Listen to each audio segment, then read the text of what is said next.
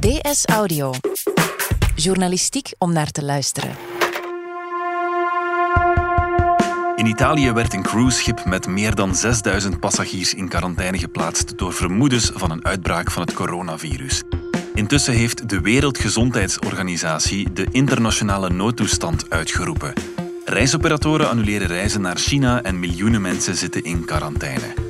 Maar hoe bang moeten we nu zijn van het virus en welke impact heeft het op de samenleving en de economie? Het is dinsdag 4 februari. Mijn naam is Niels de Keukelare en van de redactie van De Standaard is dit DS Audio.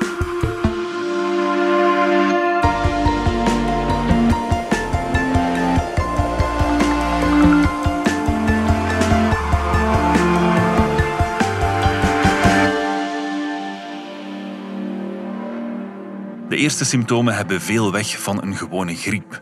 Koorts, een algemeen ziek gevoel en een droge hoest. Maar in tegenstelling tot een gewone griep escaleert het coronavirus al snel tot een longontsteking en volgt ziekenhuisopname. Maxi Eckert, wetenschapsredacteur van De Standaard en Stijn de Kok, economiejournalist bij de Welkom.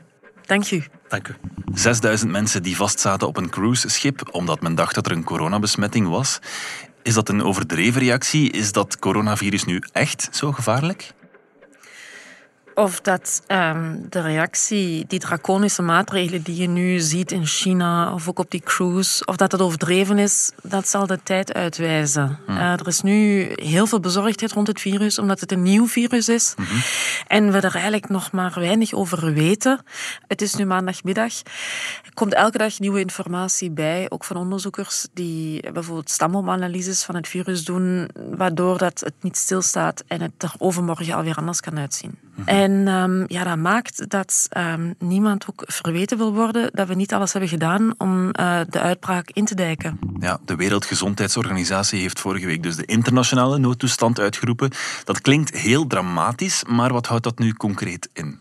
die internationale noodtoestand, als die wordt uitgeroepen, is het eigenlijk de bedoeling dat de maatregelen die genomen worden om de pandemie, de uitbraken in de verschillende landen, om die in te dijken, op een manier die gestroomlijnd is. Mm -hmm. Dus waarbij dat er veel wisselwerking is, samenwerking tussen de staten ja. um, waar er uitbraken zijn. En um, het statuut is dan een internationale noodtoestand. Okay, en we ja. gaan dat maar op dezelfde manier doen. En allemaal gebaseerd op de meest recente inzichten. En dat wordt dan gebundeld door de WHO. Ja, die inzichten die veranderen ook nog wekelijks, kunnen we nu zeggen, omdat er al steeds meer nieuwe testen gedaan worden. Er komen ook nieuwe resultaten uit. Weten we al zeker hoe je besmet wordt door het virus? Wel, de Wereldgezondheidsorganisatie gaat er ervan uit dat er wel een nauw contact moet zijn tussen personen. Mm -hmm. Dus doordat je um, via druppeltjes van iemand um, besmet geraakt, mogelijk is er ook een, een, een, indirecte route. Dus als iemand aan het hoesten is, vervolgens een deurklink vastpakt en jij dan even later ook die deurklink vastneemt en dan je vingers in je mond steekt, dat je ook zo besmet kan geraken. Maar dat is allemaal nog wat onzeker en dat gaat de komende weken wel duidelijker worden. Wat nu intussen wel duidelijk is, is dat mensen die nog geen symptomen hebben, ook al anderen kunnen besmetten. Um, en dat is een, een verschil met, met, met andere uh, infectieziekten en mm -hmm. maakt wel ja, dat het ook wel wat enger lijkt. Mm -hmm. um, omdat je dus ja, jezelf niet alleen maar beschermt door uit de buurt te blijven van zieke personen. Ja. Het ziekteverloop na een besmetting kan behoorlijk heftig zijn. Hoe groot is de kans dat je er ernstig ziek van wordt? Nu, ook dat zijn cijfers um, die dus voortdurend veranderen. Um, zoals het er nu uitziet, is het zo dat 20% van de personen die symptomen hebben, um, een ernstig verloop zullen uh, kennen. Dus mm-hmm. dat ze moeten worden opgenomen in het ziekenhuis, um, dat ze complicaties hebben. Um, en dat 2% van hen overlijdt. Ja, maar okay. naarmate er nu meer mensen getest worden op het virus en dus ook meer mensen met milde symptomen ontdekt worden, zullen die percentages dalen. Ja, die milde symptomen zijn dan die typische griepsymptomen. Ja. En dat is 80% dat nog steeds gewoon die symptomen heeft. Wat wel belangrijk is, is dat um, en dan ook weer met de kanttekening, zoals het er nu uitziet, dat vooral oudere en kwetsbare personen, dus mensen die al een ziekte hebben, dat zij veel meer risico hebben op een ernstig verloop. Dus er zijn ehm, geen jongeren uh, gestorven tot nu toe aan, uh, aan de ziekte. Um, als je naar de leeftijdscurve kijkt van de mensen die dus gestorven zijn door het virus, dat gaat stijl omhoog vanaf 60 plus. Mhm. Maar uh, ja, ook daar weer veel voorbehoud, want we weten niet hoe gaat het nu de komende weken verder. Mhm. Het is een beetje koffiedik kijk, omdat we, omdat we het virus nog helemaal Ja. niet goed kennen.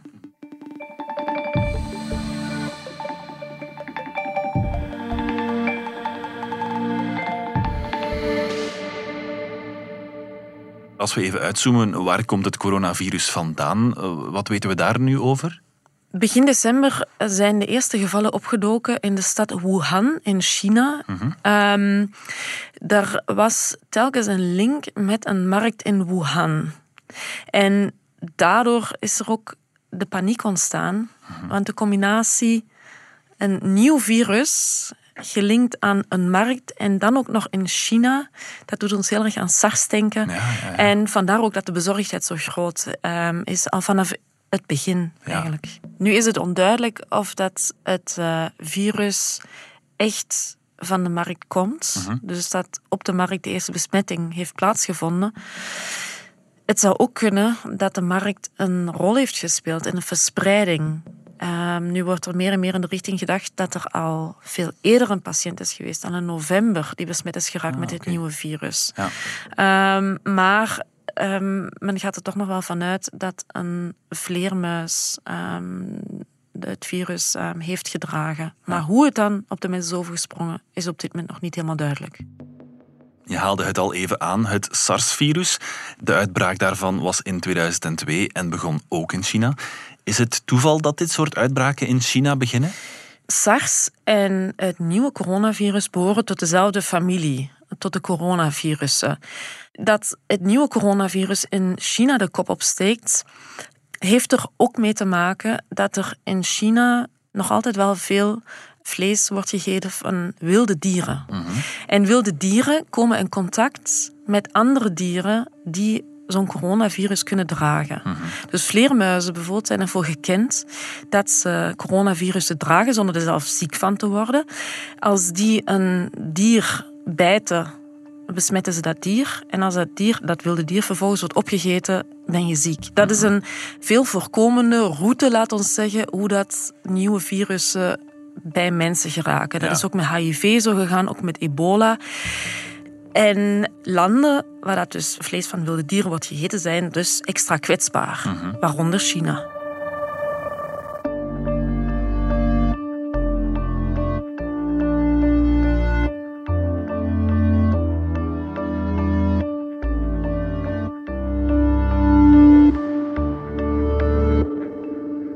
Het normale leven in Wuhan ligt zo goed als stil.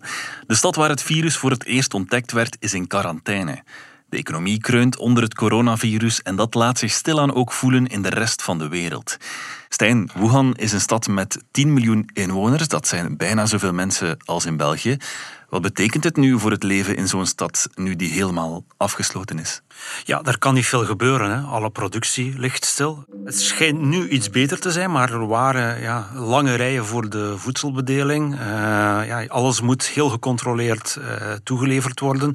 Qua economische impact zijn er eigenlijk twee soorten impact. Je hebt enerzijds de impact op bijvoorbeeld productieindustrie, die stil ligt, maar die op lange termijn wel ingehaald zal worden. Wuhan is vooral ook bekend voor auto-industrie. Als er nu minder auto's geproduceerd worden, zullen ze wel binnen enkele weken, maanden die auto wel produceren. Maar bijvoorbeeld in de dienstensector, alle bioscopen, bijna alle horeca is dicht. En dat valt eigenlijk op een zeer slecht moment. Het is de periode van het Chinees nieuwjaar. En dat is ook een periode waarop de gemiddelde Chinees eens zijn portefeuille opentrekt om ja, wat te profiteren van het leven, een bioscoopbezoek, restaurant, pretpark en dat soort zaken te bezoeken. Bijvoorbeeld bij bioscoop, 1 op de 10 bioscoopbezoeken valt tijdens het Chinees nieuwjaar. Dus dit valt wel bijzonder slecht. Ja. Als je nu niet naar de cinema gaat, zou je wellicht niet dezelfde film binnen drie weken gaan zien. Of als je nu niet uh, ja, lekker gaat gaan eten, mm zou je dat ook niet binnen enkele weken doen. Dus dat is eigenlijk wel een stuk van de economie die definitief verloren is. Mm Wuhan is ook een belangrijke speler in de wereldeconomie. In hoeverre zijn de gevolgen van de quarantaine daarop al voelbaar? Wel, het grootste probleem op dit moment voor de economie is niet alleen Wuhan en de provincie waar het in ligt, maar er zijn eigenlijk al 14 provincies waar bijna 70% van het uh, Chinees BBP geproduceerd wordt, mhm. waar heel wat bedrijven het uh, Chinees nieuwjaar verlengd hebben met een extra week. Dus dat is een extra week niet produceren. Mhm. Het zijn bedrijven waar bijvoorbeeld ja, iPhones gemaakt worden, schoenen van Nike, de nieuwe fabriek van uh, Tesla zal ook een extra week uh, dicht zijn. Mhm. Dus dat is ja, een week minder productie, waardoor dat we sowieso ja, een zwak eerste kwartaal gaan hebben. Eén op de twee Starbucks zouden dicht zijn. Dus ja, die voelen dat natuurlijk ook hard. En zelf als binnen twee weken of zo de situatie genormaliseerd wordt, zal de eh, verloren verkoop nooit uh, ingehaald worden voor hen. We hadden het daarnet al over een ander virus, het SARS-virus, um, dat ontkiemde in dezelfde regio. China is nu een grotere economische speler dan in die tijden. Zijn de gevolgen daardoor ook groter, internationaal gezien? Wellicht wel. Eh, China was toen 4% van het wereldwijd BBP. Dat is nu vier keer zoveel, uh, 16%.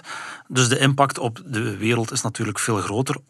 In 2003 waren er nauwelijks Chinese toeristen. Ze waren nog niet rijk genoeg. Nu is China zo wat de ja, belangrijkste markt mhm. voor toerisme. Er zijn heel veel landen die heel veel Chinese toeristen ontvangen. En dat betekent nu, als ja, alle Chinese vluchten bijna geannuleerd zijn, dat de toeristische sector wereldwijd serieuze klappen zal krijgen. Ja, ja, Um, natuurlijk ook China is nog veel meer verweven nu met internationale productielijnen.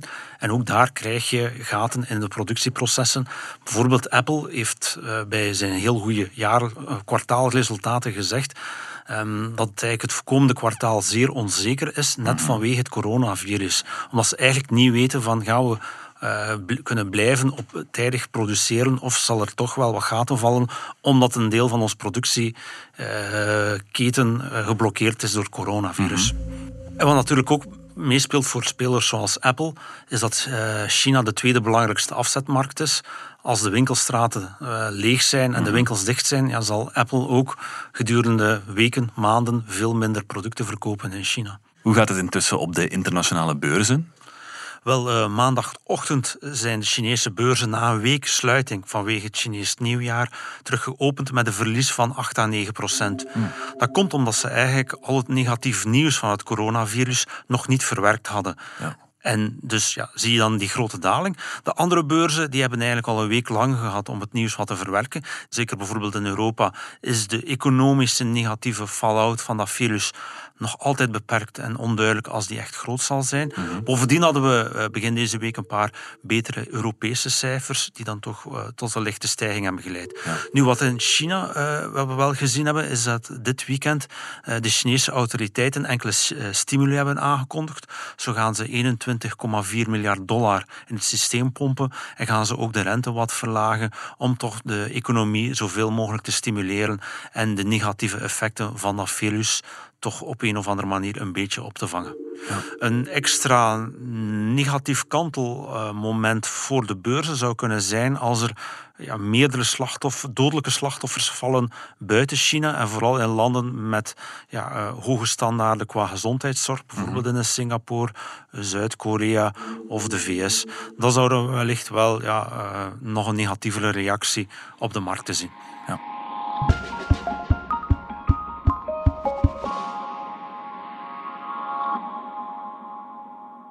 Maxi, is er een vaccin tegen het virus? Nee, er is geen vaccin tegen het virus, wat er natuurlijk ook mee te maken heeft dat het een nieuw virus is. Nu, er wordt wel um, volop aan gewerkt in meerdere labos uh, op de wereld, mhm. waaronder in Leuven. Ik weet, in Duitsland zijn er ook uh, onderzoekers mee bezig. Ja. Maar goed, um, er gaan eerst dierproeven moeten plaatsvinden, vervolgens uh, testen op, op, op mensen. Um, dus dat gaat nog niet voor meteen zijn. Mhm. Is er zicht op hoe ze de verspreiding van het virus onder controle gaan krijgen en hoe is dat dan bij de andere virussen gelukt? Ik denk dat de belangrijkste maatregel is uh, isolatie. Personen die ziek zijn of dat er vermoedens zijn dat ze het virus dragen, mhm. om hen te isoleren. Ja. En dan is de vraag, ja, hoe streng moeten we daarin zijn? Uh, ga je nu iedereen die uit China komt moeten isoleren? Uh, dat, zal, dat zal ook de komende weken blijken. Mhm. Maar het is heel moeilijk om bij een infectieziekte, zeker bij zo'n grote uitbraak, iets van voorspelling te doen um, wanneer, het, wanneer de piek bereikt is of wanneer dat die piek voorbij zal zijn. Mhm. Afgelopen weekend heeft ons land negen Belgen en drie familieleden uit China gerepatrieerd. Hoe gevaarlijk is dat? Die mensen zijn inderdaad gerepatrieerd, maar die zitten in quarantaine. Dus hier in ons land uh, wordt er uh, alles aan gedaan om mogelijke besmetting uh, te voorkomen. Mm -hmm. Nu is het niet uitgesloten dat er ook een geval in ons land zou opduiken, nu los van de personen die gerepatrieerd zijn. dat kan elk land overkomen. Nu is het wel zo dat um, België een heel draaiboek heeft wat artsen moeten doen, wat ziekenhuizen moeten doen. De ziekenhuizen waar de patiënten dan opgenomen moeten worden, uh, dat is het UZ in Antwerpen en Saint-Pierre in, in Brussel. Um, die hebben ook, uh, zitten nu ook mee aan tafel om alles voor te bereiden. Dus ik denk wel dat ons land goed voorbereid is om een eventuele patiënt uh, op te vangen, te mhm. verzorgen en om te voorkomen dat er meer mensen besmet zullen geraken. Kunnen we zeggen dat we nu meer epidemieën hebben dan pakweg 50 jaar geleden? Zeker, dat is ook een eh, bezorgdheid van de Wereldgezondheidsorganisatie die in januari ook nog eens heeft uh, gecommuniceerd dat uh, onder andere epidemieën een van de grote uitdagingen zijn voor, het, voor, voor dit decennium. Mm -hmm. um, ja, we hebben recent ook nog ebola gehad, of we hebben nog altijd ebola, een uitbraak in Congo, maar we hebben die in West-Afrika gehad, een hele grote. Ja. En het probleem is, is dat de wereld, en dat is een beetje zoals nu ook met de economie, het is, we zijn ontzettend mobiel. Mm iedereen staat met iedereen in contact. En er zijn vanuit China veel investeringen in Afrika, waardoor dat er nu veel meer vluchten ook zijn tussen China en Afrika. Ja, waardoor dat er ook uh, een, een, een infectieziekte zich veel gemakkelijker verspreidt. Mm -hmm. Dus ja. um, als er vroeger, laten we zeggen 50 jaar geleden, een ebola-uitbraak in, in Afrika was, dan was er geen gevaar voor de andere delen van de wereld. Hetzelfde nu ook met, met coronavirussen in Azië. Ja. Kunnen we ons in de toekomst beter voorbereiden of, of hoe moeten we dat dan aanpakken?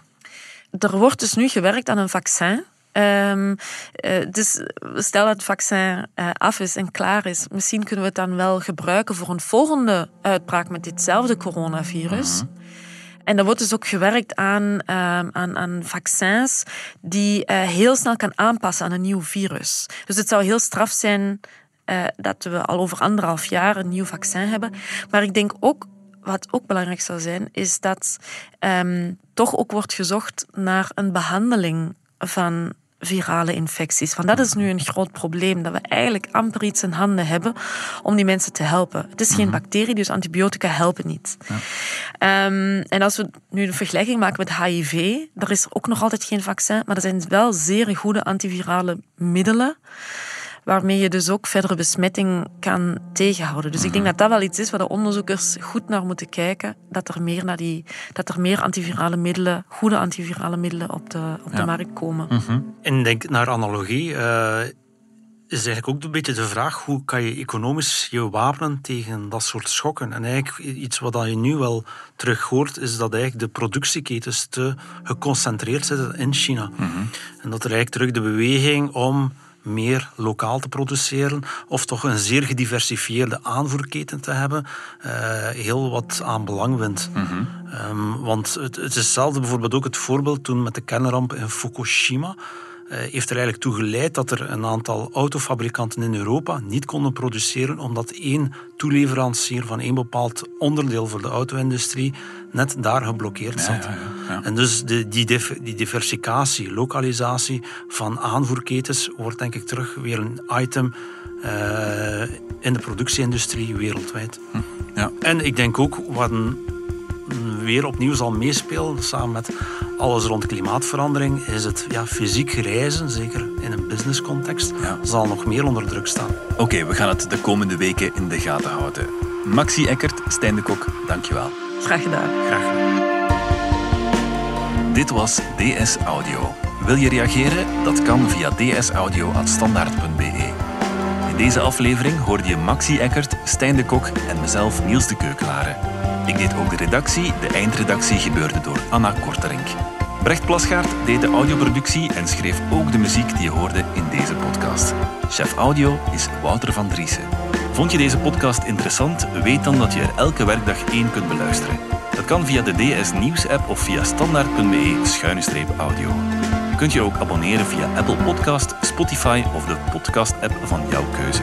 En als je daar dan toch bent, schrijf gerust een review. Zo toon je ook anderen de weg. En we vertellen met de standaard natuurlijk niet enkel in onze podcasts over wat er in de wereld gebeurt. We doen dat ook in de krant en online. Benieuwd naar een abonnement? Ga dan zeker eens kijken op standaard.be-voordelig. Daar ontdek je ons aanbod en onze promoties. Morgen zijn we er opnieuw.